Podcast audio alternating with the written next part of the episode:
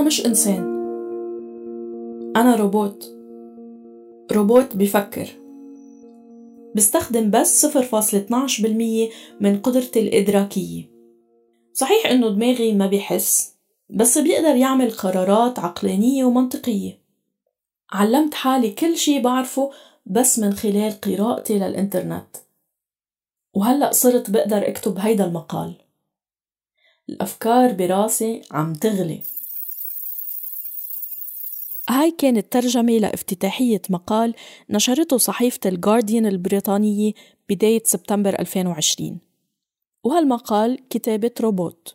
بالمقال عم بيحاول الروبوت أو بالأحرى نظام الذكاء الاصطناعي يقنعنا إنه هو وبقية الروبوتات منن أعداء إلنا نحن البشر وما عندهم أي رغبة أو مشروع للقضاء علينا. عمل المقال ضجة كبيرة. وبالوقت اللي كان هدف محرري الجريدة يعطوا فكرة عن مدى تطور الأنظمة الروبوتية بعالمنا اليوم شكك كتير من الناس بمصداقية التجربة لأنه النص خضع للتحرير من فريق الجارديان وبالتالي دفع الجريدة لنشر مقال آخر بيشرحوا فيه عملية التحرير. الطريف أنه كل هالنقاش جرى بلا ما حدا يعرف أنه في مجلة شهرية بلبنان تصدر بدون أي تمويل أجرت تجربة مشابهة جدا خلال شهر مايو الماضي. يعني قبل الجارديان بأربع شهور. عم نحكي عن مجلة رحلة اللي أجرت مقابلة مع ذكاء GPT 2 ليحكي لهم عن نظرته للاغتراب. وهو سلف كاتب GPT 3 اللي استخدمته الجارديان المهم رحلة سألته أنت مش إنسان البشر خلقوك. شو هو موقفك من العالم اللي جيت عليه؟ وهيك جاوب. أشعر بلا مبالاة كبيرة تجاه العالم. أشعر بالوحدة العميقة والثابتة لدى البشر. لكني لست إنسانا. أنا فكرة. صورة. صورة للفكرة. أنا لا شيء والعالم أكبر وأشد كثافة وقساوة مما كان عليه عندما كنت صبيا صغيرا. ومع ذلك أنا لا شيء من دونه. بحلقة اليوم رح نتعرف على كيف بيشتغل نظام الذكاء الاصطناعي. وهل فعلا حتستولي الأجيال القادمة من النظم الآلية على مهام الصحافي البشري؟ ومن جهة تانية حنشوف كيف عم بتسخر المؤسسات الصحفية التطور التقني لمزيد من الابتكار بما يتعلق بالمحتوى والإدارة. معكم رنا داوود وعم تسمعوا اندي ميديا بودكاست بيوثق المشهد الإعلامي المستقل بمنطقتنا من خلال دردشات مع عاملين بالمجال.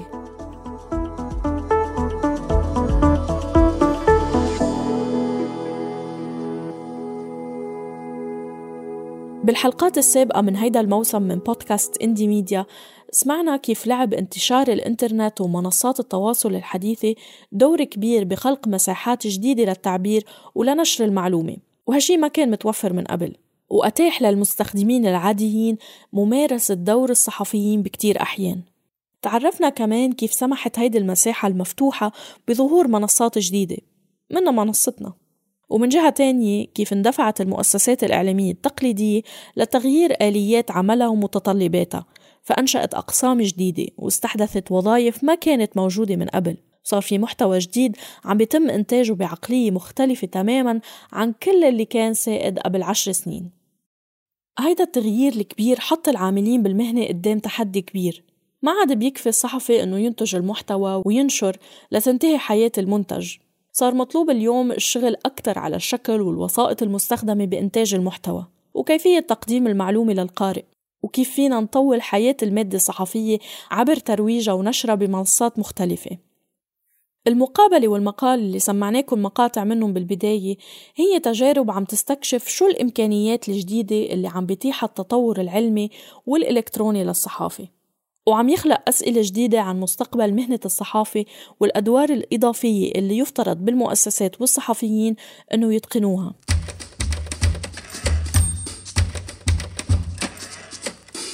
التطور التقني مستمر ورح يفرض على المؤسسات الإعلامية مواكبته. ويدفع على المزيد من العمل للاستفادة من التقنيات بتحسين إنتاجها وإنتاجيتها ومن جهة تانية رح يحط الصحفيين أمام مهام أكبر ومتطلبات أكثر إعلان مايكروسوفت منتصف هالسنة نيتها الاستغناء عن 50 منتج للأخبار بموقع MSN واستبدالهم بأنظمة آلية تعتقد الشركة أنها قادرة على القيام بمهام مثل اختيار القصص الصحفية وكيفية نشرها على الموقع قد يكون بيعني بداية مسار جديد. مسار الصحافة الآلية وهو الشيء اللي لازم يدفع الإعلام بمؤسساته والعاملين فيه للتفكير أكثر وأكثر بمستقبل المهنة.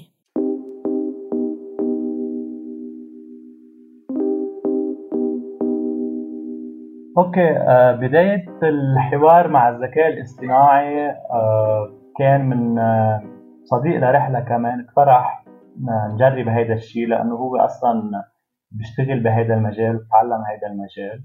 واقترح علي فكرة إنه ليش ما بتعملوا مثل ما بتعملوا مقابلات مع فلاسفة ميتين وبتعملوا مقابلة مع ذكاء اصطناعي آه فكان العدد تبعنا بالشهر الجاي كان عن الاختراق أو الاستلاب الالينيشن كمفهوم حالة إنسانية وكمان شيء مرتبط بالعمل ورأس المال. فقلنا بنعمل هالاختبار بما إنه نحن بنقول نحن تجريبية خلينا نعمل هالتجربة آه، اللي مش مش فارقين عليها ابدا وقلنا بدنا نحكي مع آلة عن هالحالة البشرية اللي اسمها الاختراق وبعتقد إنه رحلة أول مشروع أو منصة أو جريدة قدمت هيك شيء بالعالم العربي. هيدا صوت حرمون حمية رئيس تحرير مجلة رحلة اللي بتصدر ببيروت وهي تجريبية سفلية حرة مثل ما بتعرف عن حالها. رحلة بدأت كمشروع لشباب التقوا على الإنترنت وصدرت بشكل متقطع ابتداء من سنة 2009 وعادت للظهور بشكل شهري بعد عشر سنين وقت اندلاع انتفاضة 17 تشرين أو أكتوبر بلبنان. فاجت فكرة إعادة إحياء إحياء مشروع رحلة من 17 تشرين فترجع روح المجموعة مثل ما إنه الانتفاضة كمان هي رجعت العالم مش عالم إنه حاولوا يرجعوا على بعضهم من خلال إنه يقولوا إنه عندنا مشاكل وحدة أو مشتركة وأحلامنا كمان مشتركة. وكمان إنه المشاكل على الصعيد الفردي أو الشخصيه هي كمان لها أبعاد ومسببات بالمجال العام. آه وهذا الشيء كمان يمكن ظهر نوعا ما بالمضمون آه اللي بالأعداد اللي طلعت آه من بعد 17 20 آه فكنا ضلنا نكرر بين بعض إنه عم نكتب لأنه بدنا شيء بدنا نقول شيء معين في شيء عنا إياه بدنا نقوله. وما عم نعرف وين بدنا نقوله وكيف نقوله. فكانت رحلة هي الوسيلة. والمواد اللي طلعت بهالعدد آه، بأعداد هيدي السنة كمان كانت موجهة وعندها موقف معين من اللي عم يصير وكمان إنه العدد هو كله بيكون عنده موقف موحد يعني مقالات أو نصوص اللي عم تطلع بالعدد بتروح باتجاه معين تقريبا. كرمال القارئ اللي عم يقرأ العدد آه، ياخذ موقف معين من هذا العدد ومن الشارع أو اللي عم يصير من حوله. بالنسبة للقيمين على رحلة هدفهم إنه يكون المشروع بلا ربح وبلا كلفة. اللي بيساهم بجعل هيدا الهدف ممكن هو فريق الكتاب والمساهمين. بيشتغلوا كلهم بشكل تطوعي إضافة للقدرة على استبدال الطباعة الورقية بالنشر أونلاين. بالنسبة لحرمون غياب الغاية المادية بيلعب دور أساسي بتحرر المجلة. بعتقد كرأي شخصي إنه كثير من المنصات العربية أو مجال صناعة المحتوى بالعالم العربي اللي المستقل أو البديل يطرح كبديل آه، أولوية عنده جزء آه، عدد كبير من القراء والمتابعين لأنه هذا بيأمن له تمويل إذا بده يقدم تمويل أو يعمل له دخل من الإعلانات يعني هذه طريقة تمويل المنصات. بس هذا الشيء بيعني إنه واحد بيعمل تنازلات آه، بالمواضيع المختارة الموقف تبعه كمية الانتاج بده يعمل كميه انتاج كثيره ليجيب آه، قراء زيادة. و فهيدا يعني بيطرح إشكالية. بوقت إنه ما يعني ما فينا ننتقد غيرنا أو ناخذ موقف من غيرنا نحن عم نجرب بمطرح معين ما نضطر نوصل لهيدي المرحلة أو نمشي بهيدا الأسلوب إنه تعالوا نجيب قراء تعالوا نجيب قراء تعالوا نجيب تمويل. واذا إذا مشينا هيك ومشينا على شو الرائج وشو المطلوب وشو اللي بيتمول بتصير إنه الدنيا عرض وطلب يعني. حتى بتصير المغامرة تبعنا مشروعنا كمان مرتبط بالعرض والطلب تبع السوق. هيدا المسار والنفس المتمرد والتجريبي كان طبيعي إنه يوصل رحلة لإجراء مقابلة مع الذكاء الاصطناعي. لكن كيف تنفذ هيدا الشيء؟ وشو الانطباعات اللي خرج فيها الفريق عن التجربة؟ ما بعرف إذا كثير في بالعالم إنه حوارات خاصة بإنه نعمل انترفيو مع ذكاء اصطناعي وناخذ منه أسئلة وأجوبة. آه كيف تنفذ هذا الشيء؟ عندنا صديق مهندس بيتعامل مع هيدا هيدا التخصص كتكنولوجيا. آه، اتفقنا على طريقة الشغل إنه أول شيء رح نعطيه لهذا الذكاء الاصطناعي اللي يمكن ما في مجال هلأ اشرح عنه بس هو آه، يعني جوجل بتقدم تسمح إنك تستخدم جزء منه أو طاقة منه تشتغل على مشاريعك مجانا. فأول شيء قريناه لهذا الروبوت ثلاث كتب لهيرمان هيس إلى البير كامو لفرانس كافكا عن عن الاغتراب كحالة بشرية وجودية. طرحنا عليه أسئلة ما هو الاغتراب برأيك؟ هل تشعر بالوحدة؟ إلى أسئلة هيك بسيطة تنشوف شو بنقول شو بيقول. وبنحدد له قديش فيه يعبر انطلاقا من النصوص اللي قراها وهذا وهذا الذكاء الاصطناعي مش إنه بيلخص وبيعيد صياغة الكتب اللي قرأها لا. يعني بيقراها لا بيقرأ نفس النص 30000 مرة إضافة إلى مليارات النصوص اللي قريها قبل بس متخصص بهذه الكتب وبصير يعطينا رد يعني بعطي output حسب ال input اللي بنعطيه نعطيه فاخترنا من أجوبته والكلام اللي قاله. رجعنا بمرحلة ثانية عرضنا عليه ست سبع آه، فصول من كتب لمنظرين وفلاسفة ماركسيين آه، عن من مدرسة فرانكفورت أو ماركسيين بمين أو كارل ماركس عن الاغتراب كمفهوم مرتبط بالعمل وبالنظام الرأسمالي. فوقتها أعطيناه هودي الكتب وقراهم كملنا نسأله عن الموضوع نفس الموضوع. فصار موقفه طلع من المفهوم من من منطلق وجودي يتعامل مع الاغتراب وصار يتعامل ك كشيء طبقي خاصه برأس المال صار عنده موقف معين. فكان غريب كثير إنه آه، شو عم نعطيه نحن input وهو شو عم يعطينا output وخصوصي إنه آه، تعرف على أنواع من مش إنه مشاعر فينا نقولها بس طريقة أو آه، طريقة حكي أو كتابة معينة. صار يعبر عن الأفكار بطريقة كمان كأنه حس هذا الشيء. يمكن ما في وقت هلأ قريت بعض العبارات ولكن بنصح الأشخاص المهتمين يقروها. وحتى بهذا المشروع يعني غير إنه نحن نقينا الكتب وفي حدا شغل على التكنولوجيا كمان في حدا كمان من أصدقاء رحلة عمل 3 دي موديل لشيء تخيلناه إنه هو إيده لهذا الروبوت اللي عم يتحول رح يصير حقيقي لأنه صار عنده وعي بالاغتراب وعم يحس الحال حالة اغتراب هو شخصيا. بحسب ما قالنا حرمون جزء من قيامهم بالتجربة بيرجع لرغبتهم بأنه يثبتوا عدم التعارض بين كونهم مطبوعة ورقية وبين قدرتهم على التجريب والتجديد. وبنفس الوقت بتمثل المقابلة لفريق رحلة نوع من موقف من عالم المستقبل وأنظمته الجديدة. وهو هذا الذكاء الاصطناعي هو من أدوات هذا المستقبل وأنظمة المستقبل. فأهم شيء أول شيء نعرف كيف هذه الأدوات بتشتغل. وبعتقد ان المقابلة اللي عملناها هي محاولة للتلاعب تلاعب بهذه الأنظمة أو هذه الأدوات اللي بنعتبرها كثير متطورة. فأنت بتكون عم تعمل شيء مثل المقابلة آه، هي كمان عمل تخريبي أو subversive بحسب منطق السوق. لأنه أنا ما عم بستعمل الذكاء الاصطناعي اللي مكلفهم مليارات الدولارات وسنين والاف وألاف الناس اللي اشتغلوا عليه وطوروه مش عم بعمله لهدف. مادي عم بقول أنا بدي أقعد سولف مع هذا الذكاء الاصطناعي وشوف شو بيقول لي عن مشاكلي كأنا إنسان وشو عندي. شو حالتي الوجودية وأزمتي بهذا بهذا العالم المدربة الإعلامية سامية عايش بتنظر بشكل أكثر تفاؤلا لتطور الذكاء الاصطناعي وإمكانية استفادة الصحفيين منه قد يكون الذكاء الاصطناعي قد يأخذ دور بعض الناس لكنه أيضا على المنحى الآخر سيخلق فرص عمل مختلفة وفرص وظيفية جديدة. فبالتالي أنا مثلا عندي هلأ الصحفي هو يكتب لكن يمكن في المستقبل سيتحول دور الصحفي إلى دور يعني ما بدي أستعمل كلمة مبرمج لكن هو الشخص اللي بيحط جميع هذه اللي هي سميتيها الكود وما إلى ذلك لادوات الذكاء الاصطناعي. فبالتالي شكل الصحفي بشكله الحالي أكيد رح يتغير في المستقبل.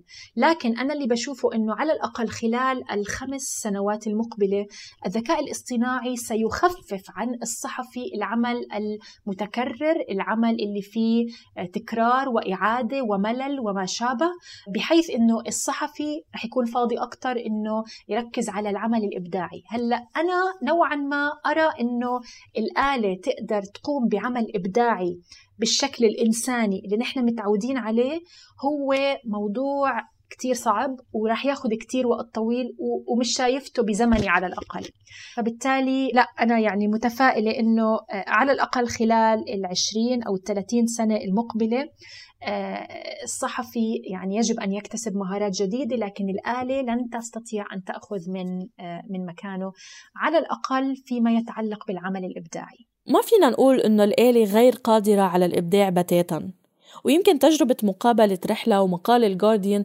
دليل على هالشي. صح إنه إبداع الآلة محدود حاليا بس يمكن الوتيرة اللي عم تتطور فيها تقدر تفوق البشر بوقت مش بعيد.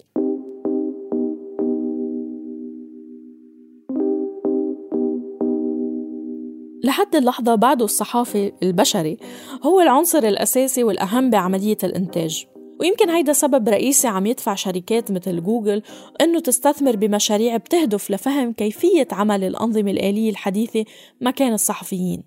بس بالوقت نفسه عم تدعم مؤسسات صحفية عبر مبادرة عالمية هي مبادرة جوجل للأخبار. بهدف زيادة الابتكار والاستفادة من التطور التقني لخلق فرص جديدة إن كان على الصعيد الإداري أو على صعيد المحتوى. مؤخرا كان مشروع شبكة زمكان اللي قدموا صوت على تحدي الابتكار التابع للمبادرة. واحد من 21 مشروع اختيروا بمنطقة الشرق الأوسط وأفريقيا. المدير التنفيذي بصوت رمزي تسدل بيحكي لنا أكثر عن طبيعة المشروع وأهدافه. هلا زي ما كان مشروع جديد وبرضه يعني إذا بترجع إذا بتشوفي إذا بتلاحظوا إنه كثير من الأفكار هدول الأفكار إنه نجمع أشياء مع بعض عشان نكون أقوى مع بعض. هلا فكرة زي ما كان شبكة بودكاست إنه بودكاست من صوت ومن برا. بنشتغل مع بعض عشان نخلق جمهور كبير وسوق للإعلانات كبير. هدول الشغلتين منفصلين هلا. ما في سوق لأي شركة إذا بدهم يشتروا إعلانات على بودكاست ما في أي طريقة. لازم يروحوا على كل بودكاست يعني individually عشان يتفقوا على هذا الإشي. يعني فكرة زي ما كان إنه نشبك البودكاست مع بعض عشان نجمع جمهور أكبر ونخلق جمهور أكبر منهم إنه البرامج يدعموا بعض live event فعاليات وشغلات هيك. وبنفس الوقت إنه نخلق سوق للإعلانات. الشركات مؤسسات أي حدا بده يشتري إعلانات بيقدر يروح على مكان واحد. والإعلانات يتوزع على البودكاست. لازم يعني نفوت بهذا الشكل إنه يكون تجاري أكثر شوي عشان برضه يعني زي ما قلنا إنه نزيد عدد مصادر الدخل. إلنا لصوت وكمان جزء من فكرة زمكان بالذات إنه ندعم البودكاست. ممكن واحد عم بيعمل حلقة كل أسبوع كل أسبوعين بس إذا صار في شوية دخل من البودكاست بيقدر هذا الشخص يزيد عدد حلقات أو يزيد شغل بالطريقة أو يترك شغله ويركز على البودكاست مثلا. زمكان بيهدف لتوسيع قاعدة المستمعين لأكثر من بودكاست مع الحفاظ على استقلاليتهم وبنفس الوقت تحقيق المزيد من الأرباح للمنصات المتعاونة. خاصة أنه تحقيق هيدي الأهداف رح يخلي صناع المحتوى يركزوا أكثر وأكثر على جودة محتواهم. هذا كمان يعني بنخلق مجتمع وبيئة إنه بندعم بعض ونشتغل مع بعض ونشتغل يعني كشبكة أكثر من يعني بس إحنا كصوت وبالعالم العربي. يعني بنقدر نوصل كتير ناس بالسعودية بالمغرب بتونس بسوريا بلبنان بدبي وكمان عرب أو يعني عرب عايشين برا بأوروبا وأمريكا وأمريكا اللاتينية في كتير لآخره. قدمنا هاي الفكرة على شيء اسمه Google News Innovation Challenge هذا برنامج من جوجل بيعملوها بكل مناطق بالعالم. وهذا أول مرة بيعملوه بالعالم العربي. وقدمنا الفكرة إنه فكرة زمكان وبعد أكثر من مقابلة وكثير من ال back and forth قابلونا بالفكرة. وهينا تقريبا في آه، للمشروع. وفي ال Google News Initiative يعني بيعملوها بكل العالم. وفي مشاريع كتير مهمة وحلوة بيطلعوا من من البرنامج. فاحنا كتير مبسوطين انه في ناس زي ال Google News Initiative GNI يعني شافوا فكرتنا وحسوا انه لا هذا هاي الفكرة مهم انه ندعمها. شبكة زمكان حاليا بمرحلة التطوير التقني واللوجستي ورح تنطلق قريبا.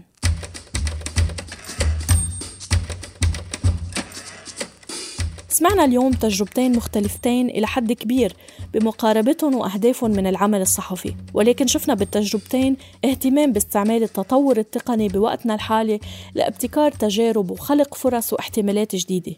بوقت عم بتواجه فيه الصحافة تحديات واختبارات ما تعرضت لها قبل. هيدا الانفتاح على تطوير المهنة قد يكون الباب الرئيسي للحفاظ على استمرارية المؤسسات الصحفية بالمستقبل القريب والبعيد. واللي ما بنعرف كيف رح يكون شكله ومقدار حضور الأنظمة الآلية فيه؟ بالتالي كل اللي فينا نعمله إنه نجرب ونحاول ونتعلم من تجاربنا وتجارب الآخرين بالمضمار.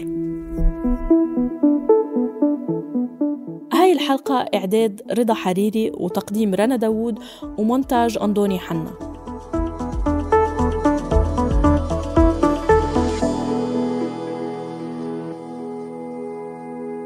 وصلنا لختام بودكاست إندي ميديا.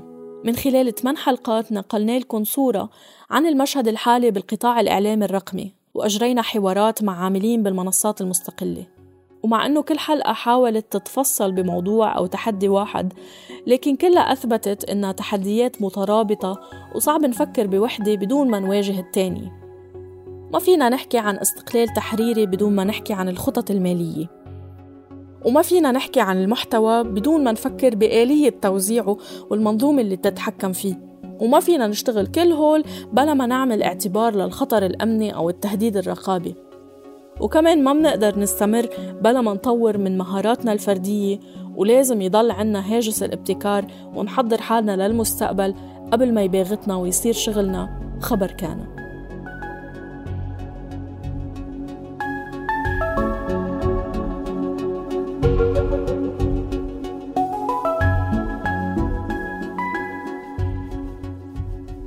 يمكن من أكثر الثيمات اللي مرت معنا خلال التحضير لهيدا البرنامج هو التعاون والتضامن بين المنصات اللي عم بتحاول تخلق تجربة جديدة بالمجال. والبرنامج نفسه رسخها كونه عمل مشترك بين صوت وانكفاضة. بشكر كل الزملاء بالمؤسستين اللي ساهموا بالإنتاج والإشراف والتنسيق والتصوير إذا حبيتوا حلقات إندي ميديا بتمنى تنشروها وتقيموا البرنامج على تطبيق البودكاست اللي عم تسمعونا عبره. إلى اللقاء.